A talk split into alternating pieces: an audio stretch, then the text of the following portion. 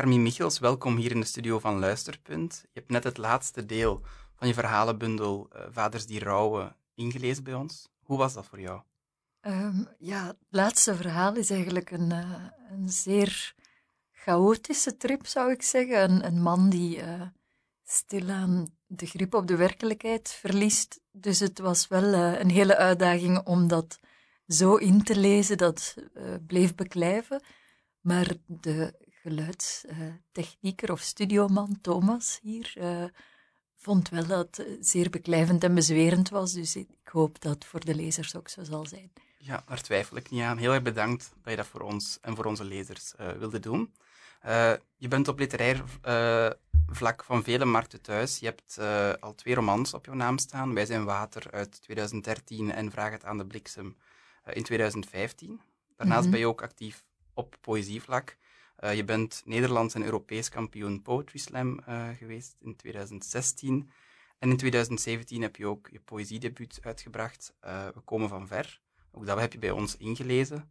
Ja, je bent wel een creatieve duizendpoot, om het een beetje met een cliché te zeggen. Maar nu dacht je, ik ga kort verhalen schrijven. Of verhalen, want zo kort zijn ze eigenlijk niet. Nee, ze zijn langer dan ik initieel van plan was. Ik hou enorm veel van, van korte verhalen. Um, bijvoorbeeld van de allerkortste verhalen van Lydia Davis, die soms maar een regel zijn of, of uh, een paar zinnen. Maar ik lees ook al jarenlang Roald Dahl graag, of uh, Miranda July, of nieuwe bundels. Uh, ook wel van romanciers zoals Adichie, of, of, waar dan ook een verhalenbundel verschijnt van een pen die ik wel graag lees, ga ik hem zeker ook lezen. Um, ik weet dat andere um, lezers en schrijvers niet altijd tuk zijn op verhalen. Ik, ik weet eigenlijk niet waarom. ik vind het een ideaal formaat voor het slapen gaan, maar ook ja, onderweg. Of, um, omdat het niet zo'n lange boog heeft en toch een heel sterke kracht. Mm -hmm. um, maar ik denk juist omdat het die techniciteit heeft van een spanningsboog die, die eigenlijk afgerond moet worden binnen een, een kort bestek. En ook beperkt aantal personages enzovoort dat ik het een hele uitdaging vond om eraan te beginnen en dat ik het een beetje jaar na jaar opschoof. Um, en misschien is dat typisch voor mij of voor iedereen dat de dingen waar je het meest voor voelt, waar je hart eigenlijk het meest voor klopt, dat je die juist het, het verst voor je uitschuift. Een beetje uitstelgedrag. En nu uh, was het moment gekomen ja, om een verhalenbundel te schrijven. Enerzijds, ik schreef wel al her en daar in mijn notitieblokjes uh, verhalen neer, um, korter, langer. Um, maar pas toen ik besloot, ik ga echt een bundel maken, kwam ook de thematiek uh, zich aandienen. En kwamen ook steeds meer verhalen uit mijn omgeving samen rond uh, het thema van vaders die rouwen. Ja, want vaders die rouwen, zo heet je bundel. Vaders en rouw lijken me geen twee thema's waar je zomaar uit het niets over gaat schrijven. Hoe is bij jou die kiem ontstaan? Goh, ja, het is mij al vaker gevraagd geweest en elke keer antwoord ik iets anders, omdat ik het st ja, steeds beter denk te weten. Um, uh, tweeënhalf jaar geleden, toen ik um, besloot deze bundel te schrijven, dan stierf mijn grootvader, met wie ik een heel hechte band had. En die rouw was zo intens, omdat ik echt met hem een, non-verbale band had. Hij had afasie, dus wij uh, spraken vooral met non-verbaal contact met liedjes enzovoort. Um, maar die rouw was zo intens dat ik merkte dat ik, dat ik dat verhaal niet kon opschrijven. Ik wou dat ook niet uitmelken of niet mee aan de slag gaan, maar ik wou wel, ik had iets nodig om weer veerkracht te vinden. En, en voor mij zit veerkracht vinden vaak in het spelen met taal. En in de eerste maanden van het werken aan deze bundel was die veerkracht er absoluut niet en waren het heel mhm. duistere verhalen. Um, zat er heel veel agressie in, omdat dat wel iets is wat voor mij dan toch samengaat met ontkenning en boosheid en al die processen en schaduwvormen die, die doen, um, die opdagen bij, bij rouw. Um, maar gaandeweg vond ik mijn plezier in schrijven terug en daardoor misschien ook wel mijn plezier in leven, want niet dat ik het helemaal verloren was, dat plezier, maar ja, ik denk dat iedereen die wel ehm, door duistere periodes is gegaan. Uh, ja, ik had toen ook net een lange relatie achter de rug en dit en dat. Um, dat, dat iedereen uh, dat wel kent, dat je, dat je voelt, dit is een plezierig moment of dit is een zonnige dag. Allee, of, of dat bedenkt en toch niet ertoe komt om dat echt te ervaren als zoals vroeger of zoals mm je. Ja. Um, dus daar zit die rouw wel zeker. Um, is schrijven dan een vorm van therapie voor jou? Om dingen van je af te schrijven? Ja, ja en nee. Uh, ik probeer echt niet letterlijk um, mijn verhaal om te zetten naar een verhaal. Uh, ik weet dat andere schrijvers daar wel uh, ja, essentiële verhalen uit destilleren. Bij mij is het meer juist door de omschakeling van weg te gaan van mijn verhaal en iets dat dicht bij mij zit te kunnen omzetten in iets absurds of in iets grappigs. Of dat het, um, het schrijfproces mij wel kracht geeft. Dus hoe meer taalspel, maar dat heb ik ook als ik boeken lees hoor. Als ik uh, teksten van Shakespeare lees of van ja, gewoon echt heel goede verhalen of poëzie of wat dan ook, dan kunt je je zo verbonden voelen, of dat heb ik dan tenminste, gewoon door, door, het, door de vindingrijkheid en de fonkeling en de verbeelding die opengaat en steeds verder. Um, ja, en, en, en, dat is wat ik in deze bundel ook wel begon te, te vinden weer.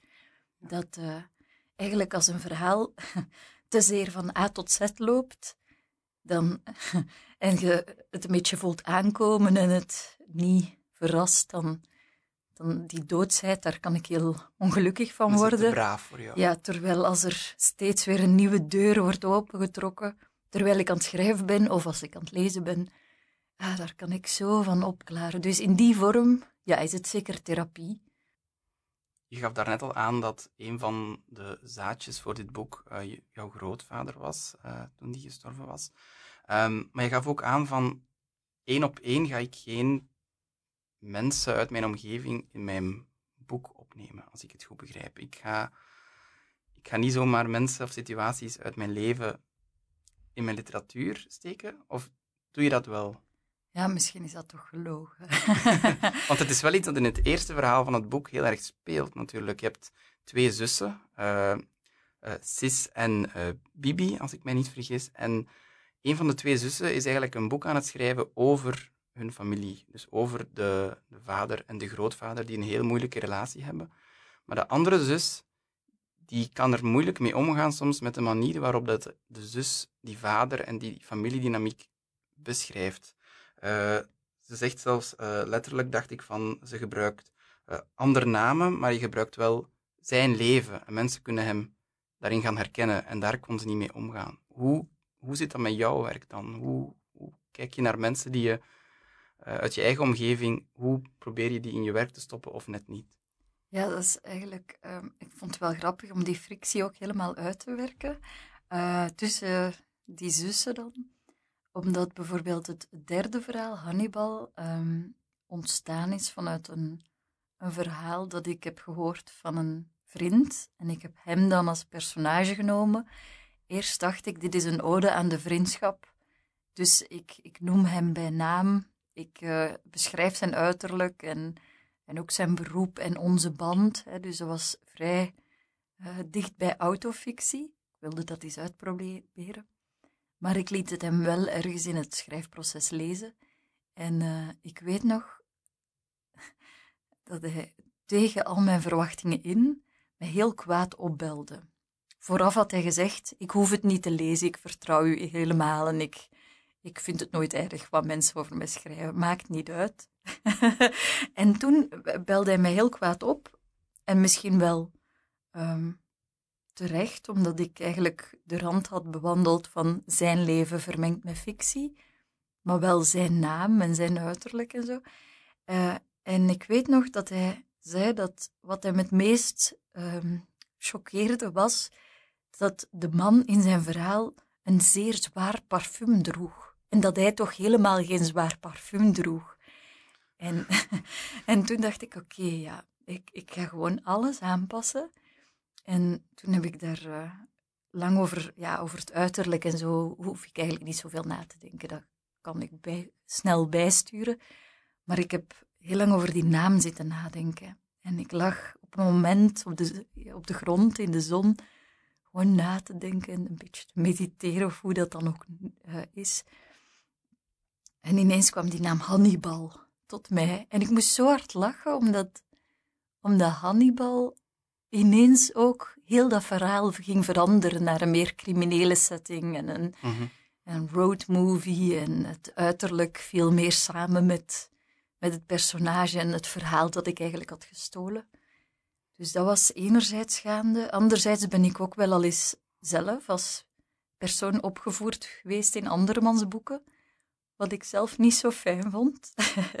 dus heel die frictie van hoe vrij ben je eigenlijk om de gegevens van andere mensen te gebruiken, wilde ik in dat eerste verhaal steken, omdat dat eigenlijk gebaseerd is op de band tussen mijn vader en zijn vader. Dus dat is niet de grootvader die gestorven was, maar Ehm, de andere tak van de familie, waarbij ik die familie eigenlijk wegsneed uit heel het verhaal en ook mijn, mijn kerngezins wegsneed, maar wel mijn vader en zijn vader, met wie hij een moeilijke band had, als basis ging gebruiken om te, ja, om te laten zien welke frictie ik als kleindochter altijd had gevoeld. Dus daar zit het eigenlijk best dicht mhm. op mijn huid. Ik heb het ook aan mijn vader laten lezen op voorhand. Mijn grootvader kon niet, want die is uh, al een paar jaar eerder was hij al gestorven. En hoe reageerde je vader? Um, Wat voor hem ook wel heel persoonlijk ja, moet zijn.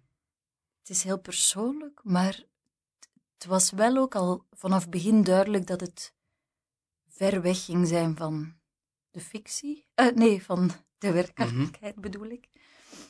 Um, en ik was wel bang, maar toen hij het had gelezen, uh, kwam ik beneden en uh, was hij in tranen, dus hij was zo ontroerd. Want ik heb eigenlijk ook in dat verhaal een verzoening gestoken. Uh, ja, de zoon die iets met brieven goed maakt. Ik zal dat maar niet spoilen. Um, en, en, dat zijn allemaal zaken die dan niet zijn gebeurd, maar wel zouden kunnen hebben plaatsgevonden. En ja, er zit ook een grote tederheid in, vind ik, in dat verhaal. Het is ook het zachtste van alle zes, ja, wordt vaak zeggen, gezegd. inderdaad. Het is het, het braafste verhaal, denk ik, van de bundel. Ja, ik denk juist omdat het zo dicht bij mensen zat die, ja, die me dierbaar waren. En waar ik wel echt ging spelen met, met ook ruzies en conflicten en zo, waar gevaarlijk terrein zit. Uh, ja, sloop die tederheid er ook wel in, omdat die ook gewoon aanwezig is en dat mooi evenwicht vormde. Ja. ja. Dat merk je zeker in het boek, die, die, het evenwicht dat je zocht tussen die tederheid, maar ook echt conflicten, harde conflicten, die lang blijven aanslepen. Uh, ja, het is heel mooi gelukt, vind ik. Nu, we zeiden het net, het verhaal is het, braafste, als ik het zo mag noemen. Uh, de verhalen in je bundel zijn heel verschillend. Uh, het verhaal van de twee zussen is vrij realistisch, uh, herkenbaar voor, voor veel mensen. Andere zijn ja, spannender, meer thrillerachtig zelfs. Nog andere zijn absurder. Die grote verscheidenheid, van waar komt die? Is dat iets om jezelf uit te dagen of komt dat intuïtief voor jou? Uh, goh. Hmm. Ze zijn echt heel verschillend. Ik denk het eerste verhaal en het laatste verhaal, als je die op een schaal zou zetten, denk grotere uitersten zou je misschien qua stijl en qua, qua beleving moeilijker kunnen vinden, denk ik. Ja, klopt wel. Er zijn wel lijnen te trekken tussen de verhalen, dus ik vind dat de bundel wel bij elkaar past. Maar ik vond ook wel die verhalen, los van het kloppende hart dat ze elk hebben, zag ik het ook wel als stijloefeningen. Van, um, ik hou er zo van om steeds opnieuw in andere personages in huid te kruipen, maar dat dan ook te doen met een heel andere blik op de wereld en daarmee gepaardgaand een heel andere taalbeleving. Dus het ene verhaal van, een, van de, de man in het kippenhok die door zijn dochter wordt ehm, ja, toch wel mismeesterd, vraagt om een veel meer um, rationelere taal of zo. Het, het wordt wel abs- ah ja, het heeft een absurdistisch karakter, maar zijn vertelstem, het is bijna allemaal vanuit de, de ik-persoon, geloof ik, ja, die moet wel overeenkomen met zijn uh, bril op de wereld. Mhm. En terwijl het laatste verhaal, ja, die wanen van die vader die het verlies van zijn dochter eigenlijk moeilijk kan, um, aan kan, ja, dat moest ook echt weerspiegeld zijn in, in de stijl en de gebeurtenissen en de rollercoaster die je daar krijgt. Ja. En de opbouw van de bundel zelf, de, de volgorde van de verhalen, hoe heb je daarover nagedacht? Want er zijn ook wel verwijzingen in bepaalde verhalen naar vorige verhalen. Hoe, hoe heb je dat aangepakt? Uh, goh, ik wist dat die paarden eten mijn droom op. Dus Mhm. het, laatste, het laatste verhaal, dat, dat het laatste ging worden. En daardoor komen er ook wel meerdere elementen samen in dat verhaal. Ik dacht eigenlijk heel lang dat ehm, het verhaal van de stalker het eerste verhaal was. Ehm, dus waarin een jonge vrouw eh, ja, achtervolgd wordt door een jonge kerel.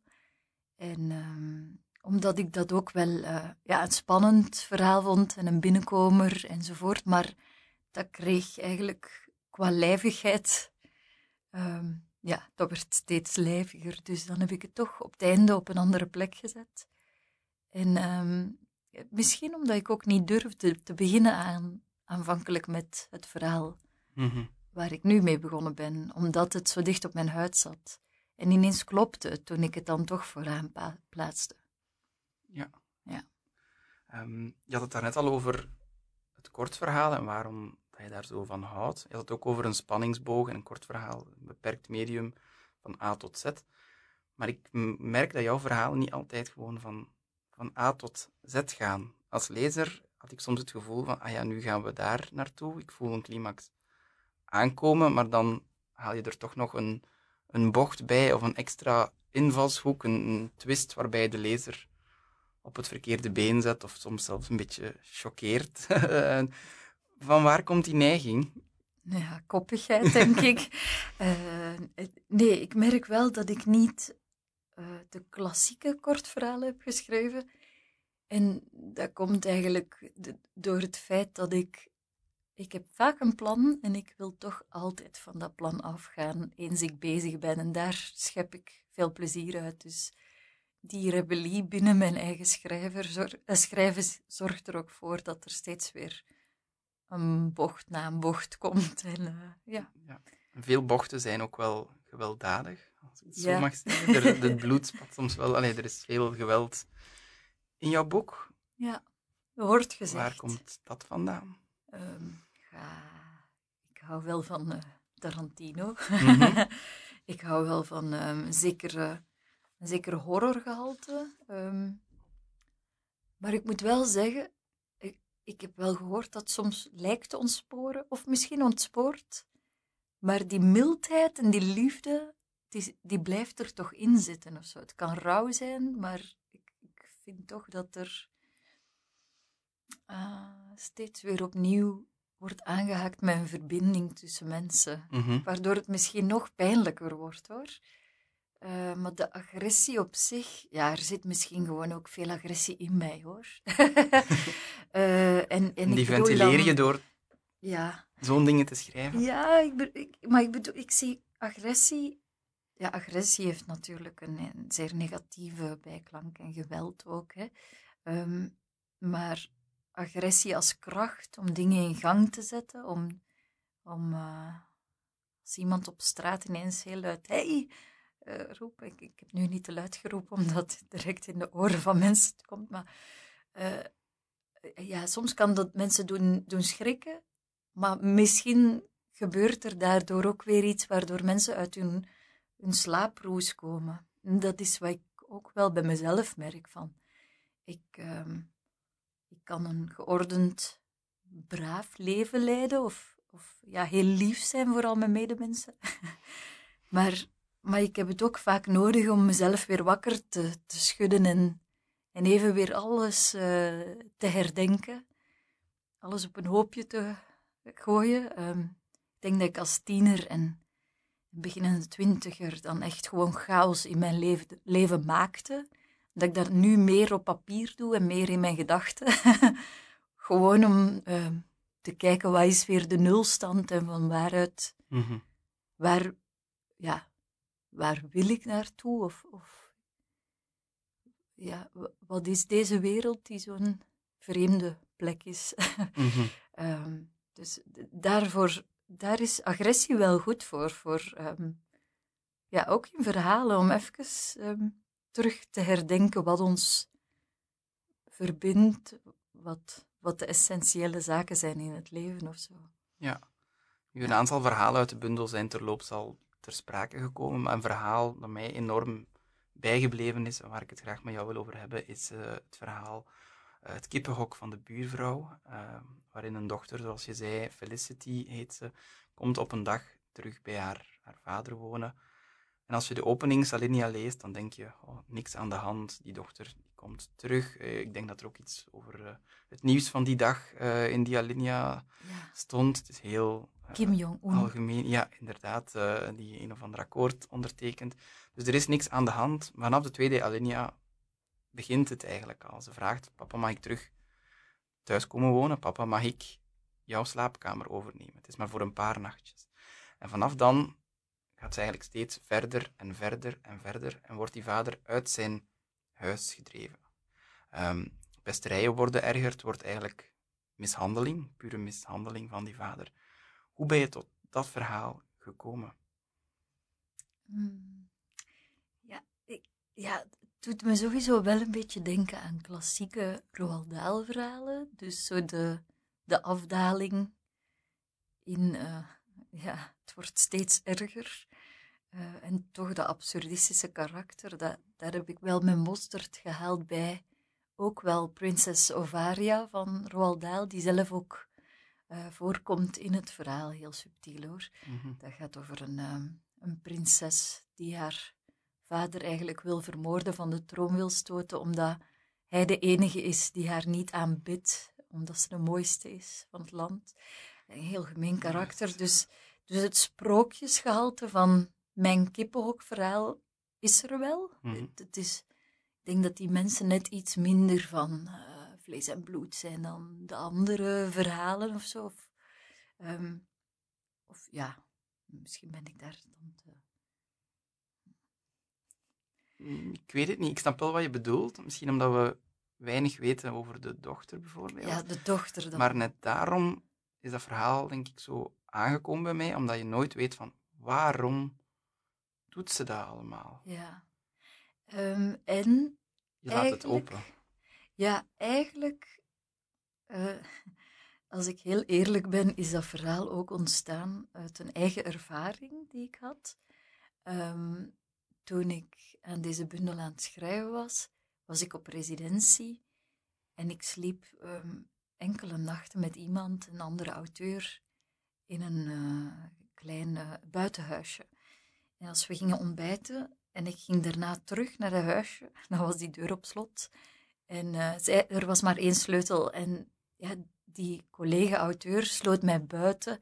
Eerst met de reden dat ze angstig was voor diefstal, maar vervolgens mocht ik na het ontbijt niet meer binnen om te douchen. En vervolgens mocht ik niet meer binnen overdag om, omdat zij zich moest focussen op het schrijven. En ik mocht uiteindelijk niet meer een avondwandeling maken na dat uur, omdat ze dan eh, niet kon slapen. Maar het was nog maar acht uur of zo. Het liep zo snel uit de hand dat ik. eh, en altijd mij eigenlijk ehm, excuses of, of voorwaarden van haar kant die eigenlijk logisch klonken, waardoor ik erin meeging. Maar ik, ik daalde heel snel af naar een positie waarbij ik eigenlijk een, ja, een hond aan de mat was of zo. Mhm. En, en dat vond ik zo'n interessante ervaring. Op twee, drie dagen tijd was ik in tranen bij de organisator. Van, ik mag mij niet douchen, ik mag, ik kan, ik, ja. En was ik zo afgedaald in iets heel primairs, van ik mag hier niet zijn, dat ik daar eh, gelukkig al, al snel de humor in zag Mhm. toen die situatie was opgelost. Eh, en daar dan ook dat verhaal eh uit destilleerde. Ja. Ja. Heel interessant. Wraak misschien, hè? Ja, ik vroeg me net af, die andere auteur, heeft hij het verhaal al I gelezen? don't know. intussen, of, Ik, ik, ik vermeld ook niet de de naam. Nee, en maar ik weet niet of misschien dat ze... hij zich er wel in herkent. Ja, maar ik denk dat veel mensen zich ook wel in beide rollen kunnen herkennen. Mhm. Mijn vader bijvoorbeeld, die noemt mij soms Felicity als ik weer heel veel eisend ben. En dat is natuurlijk om te grappen. Maar zo dat eh, irrationele eisende kantje zit niet bij iedereen, maar bij, bij sommige mensen zit dat gewoon in de dynamiek tussen vader en dochter of Ja. vader en zoon. En, en dan in andere verhoudingen ben jij dan weer de vaderfiguur die alles doet voor de compromis, alles doet voor de vrede te bewaren. Ja. Ja, daar zeg je het Daar goed, ben ik gewoon heel ver in bewaren. doorgegaan. Ja. Ja, hij bewaart wel heel lang de vrede hè, in jouw boek. Eh, Ja. Ik had een aantal keer echt het gevoel van, oké, dit is de limiet. Maar telkens doet Felicity, of jij als schrijver, nog een schepje bovenop. ja. En toch blijft het op een of andere manier, ja, als lezer ben je wel mee. Maar hoe bewaak je als schrijver de grens van, tot hier ga ik mijn lezer meekrijgen in het verhaal? Hoe, hoe doe je dat? Eh, ja, je moet zelf ook meeblijven, denk ik. Ik denk dan aan dystopieën zoals van eh, George Orwell. Hij moet zelf erin blijven geloven of de lezer haakt af. En ik denk dat dat hier ook was. Ik dacht, tot op het laatst dacht ik, ja, hierin zou ik zelf die vaderfiguur zijn geweest die zo ver gaat uit een soort van, allee, dat, dat leest je dan ook, hij heeft eigenlijk geen medelijden met zichzelf. Hij straft zichzelf omdat hij vindt dat hij haar liefde moet verdienen. En hij is blind voor het feit dat zij hem eigenlijk niet die liefde wil geven. Ja. En, Hij eh, excuseert zichzelf na een tijd terwijl dat hij eigenlijk... ja, en daardoor wordt hij kleiner en kleiner en kleiner in, in zijn eigen zelfbeeld. En, en dat vond ik wel heel geloofwaardig. Ja, omdat ik dat ook wel al heb gezien of ervaren in bepaalde situaties. En Ja. Zolang ik het voel, denk ik, ik, met de juiste taal kan ik het Ja. overbrengen naar de lezer. Ja. Een heel mooi stukje in dat verhaal vond ik, eh, frappant eigenlijk, is wanneer die vader terugblikt op zijn verleden, dat hij zijn, zijn job verloor, eh, hij was verkeersleider bij, bij Sabena, is ook zijn gezin eh, toen verloren. En op een bepaald moment zegt hij, ik was in die periode zo panisch om alles kwijt te raken, dat er een golf van opluchting over me heen trok toen het daadwerkelijk gebeurde. Vond ik zo mooi gezegd, want dat, dat zegt eigenlijk heel veel over die vader, die, die gelatenheid. Maar anderzijds het toont ook dat hij niet de acties heeft over ondernomen om, om, om zijn gezin in stand te houden. Dus Ja. het is aan de grens van... van wanhoop eigenlijk Ja, en inderdaad. depressie misschien. Ehm, maar ik denk dat iedereen het wel herkent, toch? Van Mhm. misschien zelfs van sommige momenten in de pandemie dat je zo hard, allee, dat je hoopt dat het overgaat of zo. Maar als die angst te groot wordt, dat je denkt, ja, laat mij dan maar COVID hebben, of laat iedereen dan maar COVID hebben en dan is het voorbij. Ja. Ja, eh, zonder, ja, of misschien is die COVID dan niet de juiste metafoor, maar het is vaak met angst zo, hè, van misschien als je de hele tijd bij- denkt van ze gaan me aanvallen, ze gaan me aanvallen, dat je denkt, laat ze mij dan nu maar aanvallen en dan... eh, Maar misschien zorgt die angst en waarschijnlijk zijn gedrag toen er ook mee voor ja. dat hij net zijn gezin verliest. Dus Ja. angst kan dan ook net omgekeerd gaan werken. Ja, ja, zeker. Dat denk ik wel dat in de, de hand. Je, je, je draagt uit wat je vreest ook. Hè. Je, ja, je gedachten. Ik had het er onlangs nog over mijn, mijn, mijn lief, denk ik. Van, het, het is niet omdat je bepaalde dingen nooit uitspreekt tegen bijvoorbeeld je moeder of je vader, maar wel dan tegen allemaal andere mensen over die persoon dat je dat dan niet uitdraagt in je gedrag. Dus het, het vormt mee je gedachten en dus ook je beeld. En ja, ehm, dus sowieso ook met angst. Dat dat ja, iets, iets wezenlijk doet met je expressie, maar met, met je houding ten opzichte van de anderen. Ja. Ja, Daarnet zei je ook van, hij is blind. Hij wordt blind voor wat zijn dochter allemaal doet. Nu, op een bepaald moment heeft hij een, een veelbetekenende droom, waarin hij ook daadwerkelijk blind wordt. Ehm, en ook in andere verhalen heb ik gemerkt, laten zintuigen het wel afweten. Er zijn mensen die uh, in het verhaal De geur van verdrietige mannen verliest een man zijn reukvermogen. In de mhm. periode dat hij voor zijn vrouw zorgt, die, die terminaal ziek is, die kanker heeft. Um, in het verhaal Onze honden uitlaten is er een vrouw die gestalkt wordt en zij begint te twijfelen aan haar eigen waarnemingen, van word ik wel gestalkt, ja of nee.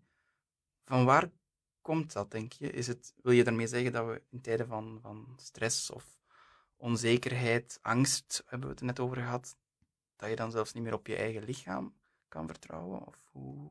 Ik denk dat je lichaam eigenlijk heel veel vertelt over hoe het met je gaat. Uh, en dat is wel iets wat ik dan ook heb ondervonden door uh, mijn vriend te praten die craniotherapie geeft, of uh, logopedie, osteopathie enzovoort. Dat uw lichaam um, ook trauma's vasthoudt, die soms puur lichamelijk zijn, kwetsuren, maar soms ook psychologisch en zich op een plek hebben vastgezet. Um, en en uh, ik ben nu even kwijt hoe die auteur noemt de man die zijn vrouw aanzag voor een hoed, of zijn hoed aanzag voor een vrouw. Ik weet niet meteen wie je het hebt, maar het klinkt heel. Uh, ik ben even de naam kwijt, maar dat is een, ik geloof een psychiater die daar ook in beschrijft hoe mensen zich gaan gedragen, eh, hoe ze soms door, um, ja, door iets niet uit te spreken stembandproblemen krijgen of door een bepaalde actie niet te ondernemen, problemen krijgen met wandelen. En dat is wat ik eigenlijk in, in, bij mezelf al heb ervaren, maar ook bij mensen die ik observeer. Ik observeer heel veel. uh, dat, ja, je hebt natuurlijk ziektebeelden, medische ziektebeelden, maar je hebt ook heel veel zijsporen van die ziektebeelden die te maken hebben met iets psychologisch, iets vermijdend gedrag of iets waar mensen zich niet altijd van bewust zijn. Ja. ja, maar je hebt in de verhalen enerzijds zo een aantal zintuigen die het laten afweten, maar er zijn ook heel veel fysieke letsels in jouw verhalen. Hè? Veel ja. sneeën en, uh, littekens en uh, ja, vingers die er af zijn. Uh, van waar die aanpak? Het valt me wel op dat er wel... Er zijn niet veel ongeschonden personages in jouw nee. verhalen, zowel mentaal als, als fysiek. Ze ja, hebben bijna allemaal wel, iets. Dat gaat wel samen, die twee. En ja, het klinkt nu natuurlijk heel uh, alsof ik geniet en sadistisch ben. Misschien ben ik dat ook, maar ik, ik hou er wel van om een zekere graad van verminking aan mijn personages toe te brengen. Dat is goed gelukt, denk ik. Door, ja, bijvoorbeeld in Hannibal, door die, uh, die vinger die eraf uh, gaat op een bepaald moment. Ja. Maar ook weer symbool staat voor uh, achterliggende zaken bij het personage Hannibal dan. Ja. Uh, ja. Hannibal is een heel interessant personage, dus zoals dat je zegt, ja, hij, hij mist een vinger, maar hij heeft ook een letsel aan zijn pols, waar hij niet meteen alles over wil prijsgeven. Zijn metgezel, uh, hoe heet ze nu weer, uh, Bowie, heeft een groot litteken in haar hals, waar we geleidelijk aan ook meer en meer komen over te weten. Eigenlijk draait Hannibal daar helemaal een beetje rond, want er is ook een heel bijzonder figuur, een oude zeeman. Uh, kan je daar iets over vertellen? Wat voor een personage is dat? Ja, die oude zeeman is eigenlijk de basis van dat verhaal waar ik er juist over vertelde, van wat ik eens had gehoord van een goede vriend dus. Dat hij een man was tegengekomen die uh, in de tachtig was, een dokwerker, die uh, zoveel vuil had op zijn borst, omdat hij zijn hemdje veertig jaar lang niet had uitgedaan. Niet voor het slapen gaan, niet voor zich te wassen als hij dat nou deed. Dat die stank ongelooflijk was. Dat was eigenlijk het basisgegeven van dit verhaal, dat je eigenlijk... Um, er zat wel iets van rouw achter die man. Waarom zou je je hemd nooit uitdoen als je eigenlijk alles goed op orde hebt en geen verdriet te verwerken hebt. Als je gewoon wil voortgaan met je leven, dan doet je hemdje wel uit. Ja. Maar um, mensen die, die op een moment stop zeggen en weigeren de tijd zijn werk te laten doen, die verzetten zich daartegen. En hier, uh, die zeeman doet dat dus door, door die daad. Hannibal, anderzijds Ehm, heeft zelf ook een kind verloren ooit. En verzet zich ertegen door het niet meer toe te laten dat anderen zich pijn doen om zich heen. Hij wil de controle over het, het verminken. Dus Mhm. hij wil, als er verminkt wordt, moet hij het zijn die het leed draagt en niet de mensen om hem heen. En die, die vorm van controle vond ik heel, ja, ja, is eigenlijk een basis van heel veel verhalen. Hè. Ook, ook in het laatste verhaal, waar het helemaal ontspoort, gaat het om steeds opnieuw dat vasthouden van Mhm. het kind dat op sterven ligt, om haar niet te laten doodgaan, om het niet toe te staan, roept hij zijn verbeelding helemaal in, maar ja, wordt daar zelf door teruggepakt of zo. Ja. Ja.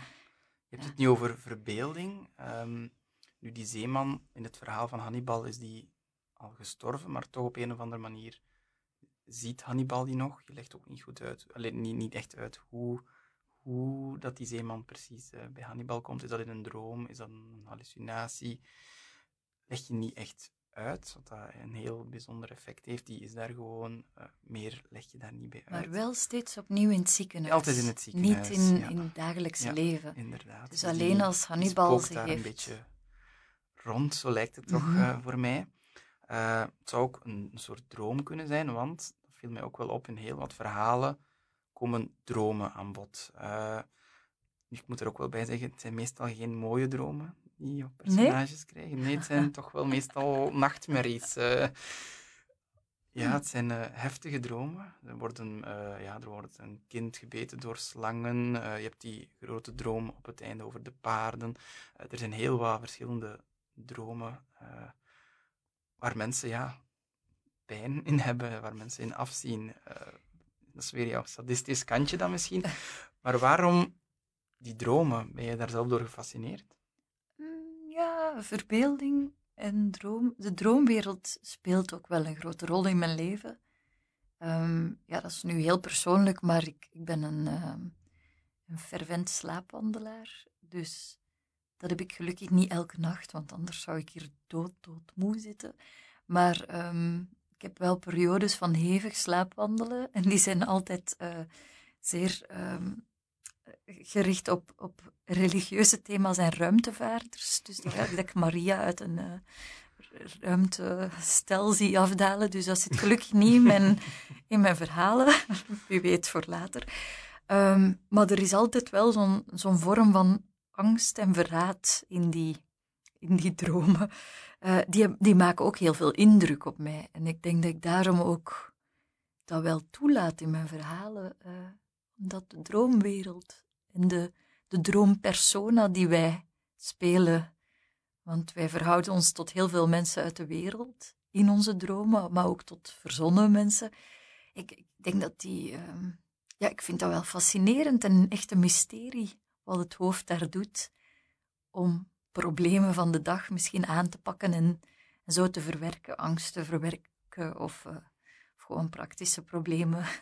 Mhm. Eh, en eh, ja, in, in deze verhaal had ik eigenlijk niet door dat ik alleen nare dromen. Ja, ik heb nog eens Schreef. nagekeken en ik vond Ja. eigenlijk niet meteen mooie, zoete dromen. Ah ja, ik heb, ik heb wel het gevoel dat ze niet per se zoet, maar wel eh, mysterieus zijn, maar, maar ook wel handreikend of zo. eh, mhm. Dat ze verbindingen maken tussen de, de, de, wat er in het hoofd van het personage afspeelt en tussen wat er dan in de werkelijkheid van het verhaal Ja, zich absoluut. afspeelt. Ja, er zijn zeker altijd links met het verhaal zelf. maar het viel me op dat er vaak wel bloed of pijn bij komt kijken Sorry. in die dromen. Nee, het was een vaststelling.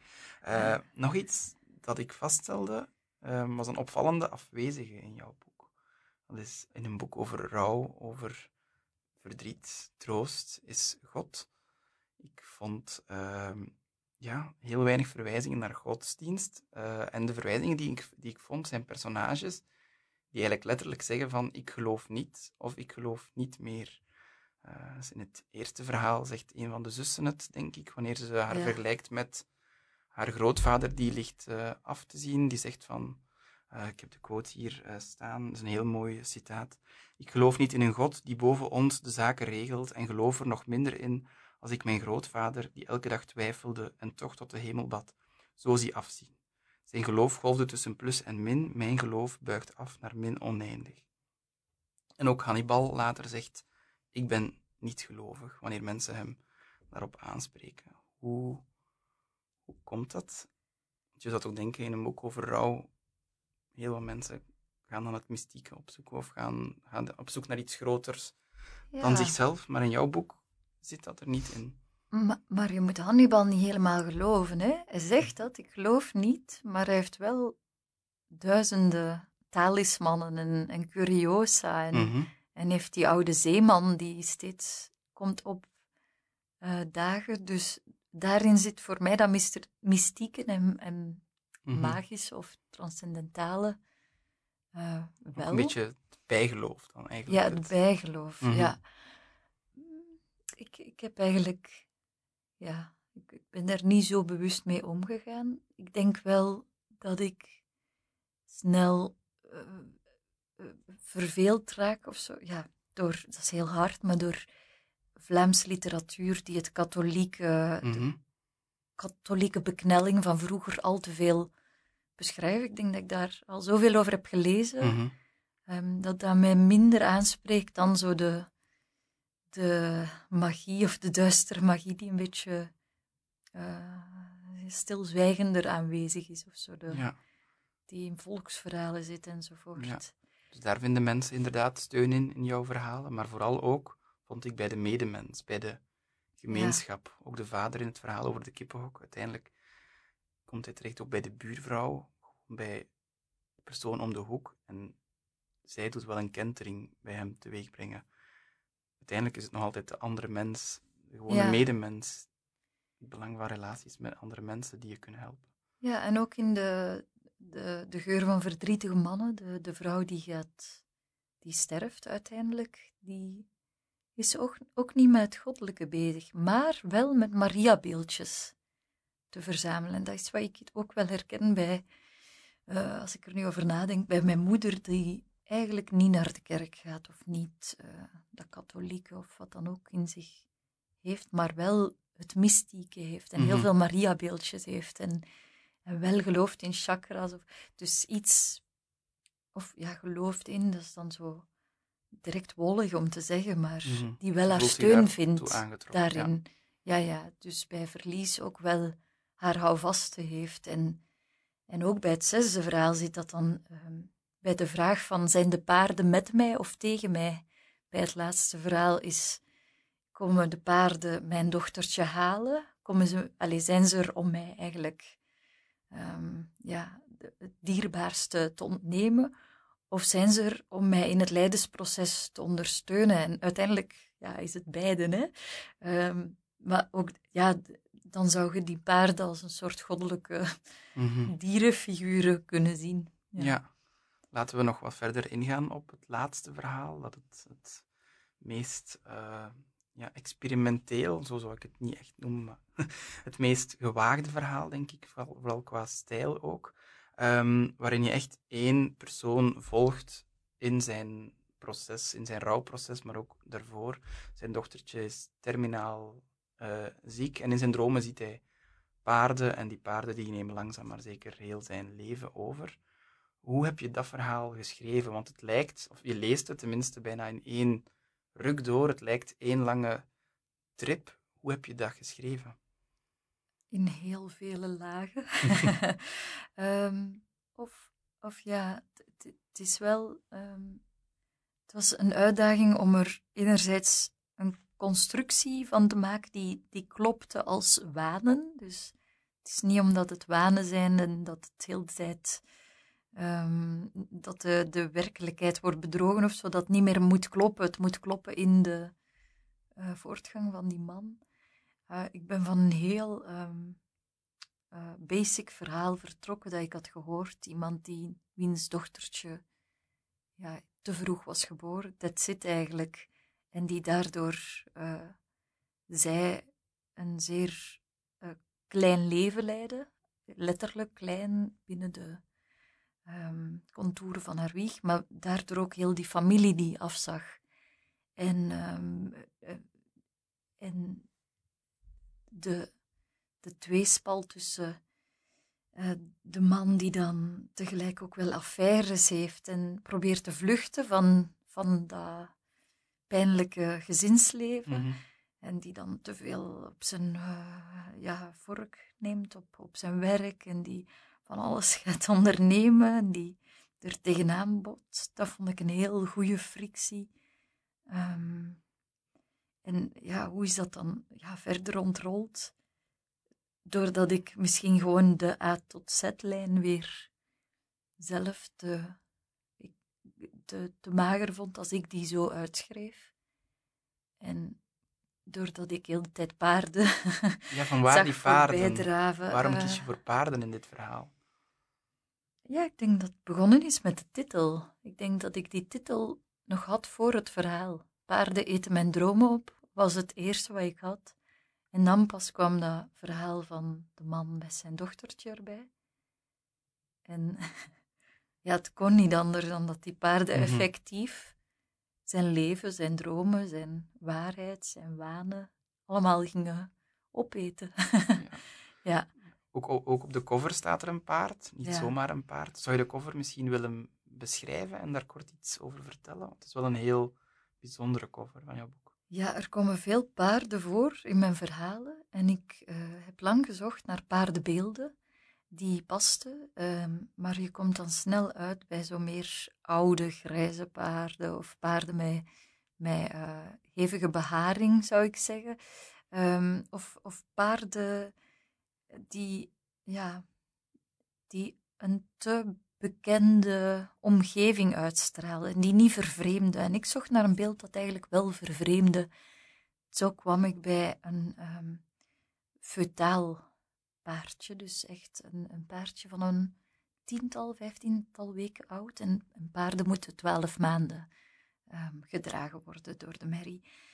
En, um, en het is uh, daardoor, het is een, een, een paardje dat zo wat opgevouwen zit maar glimlacht. Dus het is een, enerzijds een heel teder beeld, maar omdat ze nog een vroegtijdig prematuur veulentje is, is, is het ook wel, heeft het het gevoel van iets ook wel kil of van marmer te zijn of zo, alsof het een beeldje is. Mhm.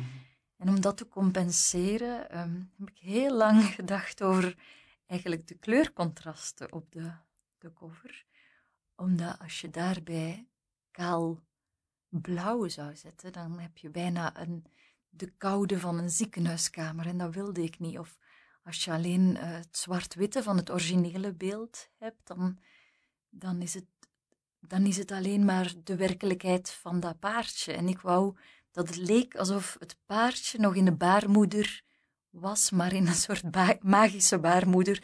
Dus Mhm. mm -hmm. fonkelde er allemaal um, gouden ja, een gouden glans of glimmende schijn komt uit het paardje tevoorschijn.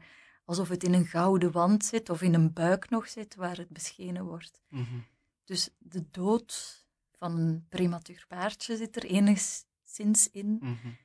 Die engheid, maar ook die tederheid van die glimlach en die warmte van die stralen van dat baarmoeder gouden licht. Ja. Ja. ja, dat is heel mooi uh, gelukt. Met gouden letters. ja. We hadden het net over het laatste uh, verhaal. Um, het is een heel heftig verhaal, dat als lezer ook echt binnenkomt. Um, maar tegelijkertijd spat wel echt het schrijfplezier ervan af, vind ik. Dit Car Carmien Michels All In, heb je daar volledig laten gaan? Ja, daar ben ik heel blij om, dat ik um, daar zo ver in ben doorgegaan om, om uh, tegen mezelf aan te schoppen van kom aan, durven en durven verder gaan en nu niet bang zijn dat, dat het pervers en sadistisch en teder en rauw en verdrietig overkomt. Ja. Uh, maar eigenlijk heb ik nooit heel veel moeite met, met sadistische of gewelddadige scènes, mm -hmm. om die uit te schrijven, maar ik heb de meeste moeite met de zeer uh, verdrietige punten, die, die heel zacht en teder moeten zijn, omdat ik daar heel dicht bij mijn gevoel moet gaan komen zitten. En uh, um, ja, de, de, de pijn die de vader ervaart bij het sterven van zijn kind heb ik heel lang uitgesteld. Dus de dood van het dochtertje was aanwezig in mijn verhaal in de eerste versie, maar ik had het niet uitgeschreven. Dus het zat tussen de lijnen en zo. En, en toen hoorde ik van medelezers dat het veel te vaag was en zo. En toen dacht ik, ah ja, ik ben het eigenlijk aan het vermijden om het uit te schrijven. Hoe sterft het kind? Hoe wordt het begraven? Wat doet het met hem? Wat zijn de stappen, de essentiële stappen in dat hele rouw- en afscheidsproces, waardoor hij die wanen ontwikkelt? Want die wanen waren er al in mijn hoofd. Al ja, waren dus al Mhm. uitgewerkt, maar het, het essentiële verdriet moest nog eh, ja, tot op het bot worden uitgewerkt. En Ja. dat is, ja, dan ben ik echt. eh, ik, ik was een week op residentie eh, in Nederland, even alleen. En ik was echt aan, het- aan het wenen en aan het wenen terwijl ik dat Mhm. schreef. Niet omdat ik weet hoe het is om dan een, een dochterveulentje te verliezen, absoluut niet, maar wel omdat dat zo dicht zit bij die essentiële pijn van mensen te verliezen of van ja, de, de angst om, om iets wat zo dierbaar is, om dat te moeten afgeven. Ja. Ja. Dat is wel iets waar ik aan dacht tijdens het lezen van, voor mij als lezer is het nu al heftig. Ik ervaar zoveel emoties. Hoe moet het dan zijn voor jou om daar weken, maanden mee bezig te zijn? Hoe, hoe laat je dat dan op, soms ook los? Eh, door niet elke dag te schrijven, door veel te gaan wandelen, maar ook wel door de veelheid aan verhalen kon het. Hè. Het zijn heel andere. Sommige werd ik gewoon vrolijk van. Hè. Dus het is niet alleen die, Mhm. die diepte die wordt aangeboord. Het is ook soms eh, vitten op woorden en zinnen en, Mhm. En, en taal, dat dan ja. weer bevrijdend werkt Mhm. wanneer je ja, even uit een, een trip van, van te veel emoties moet komen. Ja. Je had het daarnet over paarden. Ben jij een dierenvriend? Ja, ik zei het onlangs dat ik eigenlijk nog nooit op een paard heb gezeten. Mijn grootvader had wel paarden. dat, dat, eh, verder heeft het niet zoveel te maken met deze bundel, maar wel dat een grootvader steeds paarden heeft. Eh, vaker in deze bundel komt wel voor. Eh, maar ik voel wel een connectie met dieren. Ik dacht vroeger als kind dat konijnen goddelijk waren. dus, ehm, En waarom dacht je dat? ja, ik had een konijn. Ik nam dat altijd op mijn schoot, op de schommel. Ik aaide dat. Eh, en ik, als ik verdriet had, dan zei, vertelde ik dat aan het konijn. Dus ja, het was voor mij duidelijk dat, dat mijn konijn, Iti heet het, dat dat eh, God was. En ehm, vanaf dan ben ik ook vegetariër geworden op mijn vier jaar, omdat ik dacht, ik, ik kan geen dieren eten. Dus ergens ben ik een dierenvriend, tegelijk heb ik nog nooit eh, de, de aanjaging gehad om een, een boerderij te, te starten of om Mhm. veearts te worden of, of om dieren eh, te gaan helpen uit de nood of zo. Dus Ja. ik denk dat meer een, een mentale band is, een vriendschappelijke band. Ja. Zoiets. Je boek wemelt van de dieren. Er zijn Mhm. slangen, honden, kippen, een rat, een puma, een hamster, eh, de paarden uiteraard. Eh, ja, in elk verhaal zit er wel een dier. Er zijn ook heel wat dieren die mensen wel pijn doen, maar er zijn ook plekken of dieren waar mensen heel veel troost uithalen. Eh, hoe zie je dat precies? Ja, in, in het verhaal van de stalker is het een zeer cruciaal element hè, dat de, de vrouw een, een hond heeft. Op het moment dat die haar ontnomen wordt, verliest zij haar kracht, want die hond stond symbool voor, ja, voor zoveel. Ze heeft haar ouders en haar grootouders verloren, ze heeft nooit kinderen gekregen, ondanks het feit dat ze dat wilde enzovoort. Maar ze had haar hond en haar hond was al jarenlang haar trouwe maatje.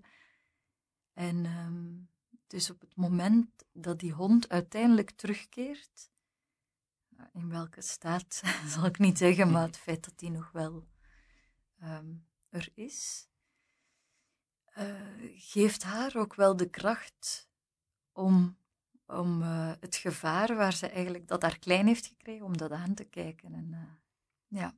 Ja. Dan komt er de befaamde confrontatie waarin eigenlijk de rollen omdraaien, hè, waarin zij van slachtoffer ineens een dader wordt. Mhm. En Ja. waarin de hond eigenlijk haar de permissie geeft door zelf als eerste aan te vallen ja. En hoe het verhaal afloopt, gaan we niet verklappen, want dat is toch wel heel bijzonder.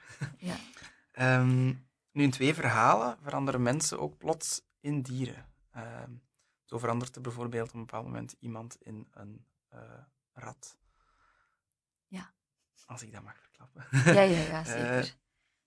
Van waar die keuze?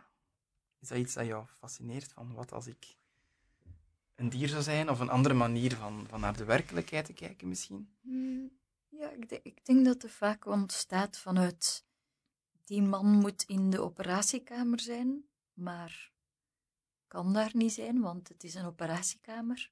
En dan, ja, eigenlijk tijdens het schrijven ont- ontstaat het ineens dat hij op trippelpootjes daar naartoe gaat en een rot geworden is. Dus eh, het is door te beginnen te schrijven dat ik er ineens plezier in krijg en dat ik dan merk, Mhm. ah ja, het werkt. Soms werkt het niet en dan eh, schrap ik het. Maar ik denk dat de meeste dingen die, die zo wat ehm, ineens overgaan in een ja, een minder realistisch eh, Mhm. iets, magisch realisme, dat het eigenlijk eh, dat het zo is omdat ik het voel en niet omdat ik het op voorhand heb uitgedacht of zo. Mhm.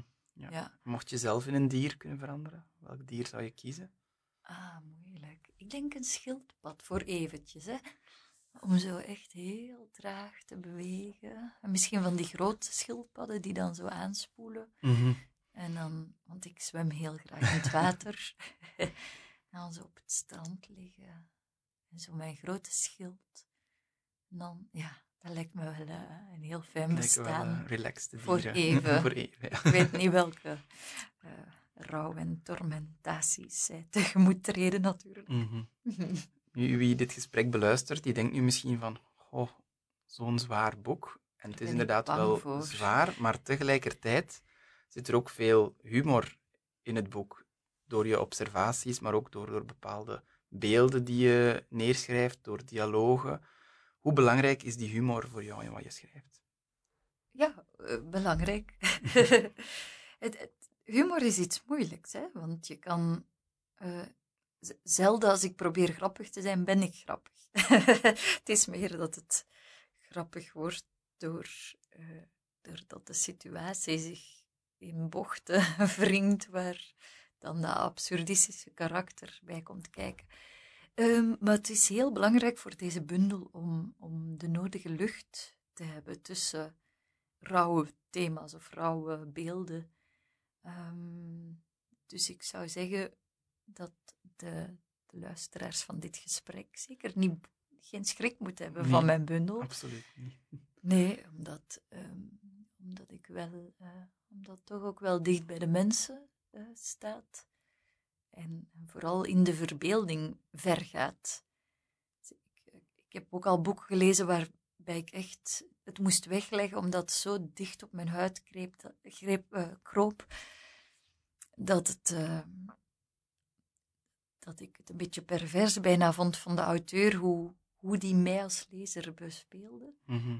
En, en ik denk dat dit niet is wat deze bundel doet. Het geeft meer ehm, verschillende ingangen en blikken op verhalen. Mhm. Het is een heel menselijke Ja. bundel. Het is altijd, ook al wordt het soms wat extreem, blijft wel altijd op een of andere manier herkenbaar. Er blijft toch wel een houvast, vind ik, op een of andere manier. Ja. Al verliezen sommige personages hun houvast, als lezer, blijft het wel behapbaar en, en voel je wel die menselijkheid en die band die er wel altijd is met de medemens, of in het beste geval dan.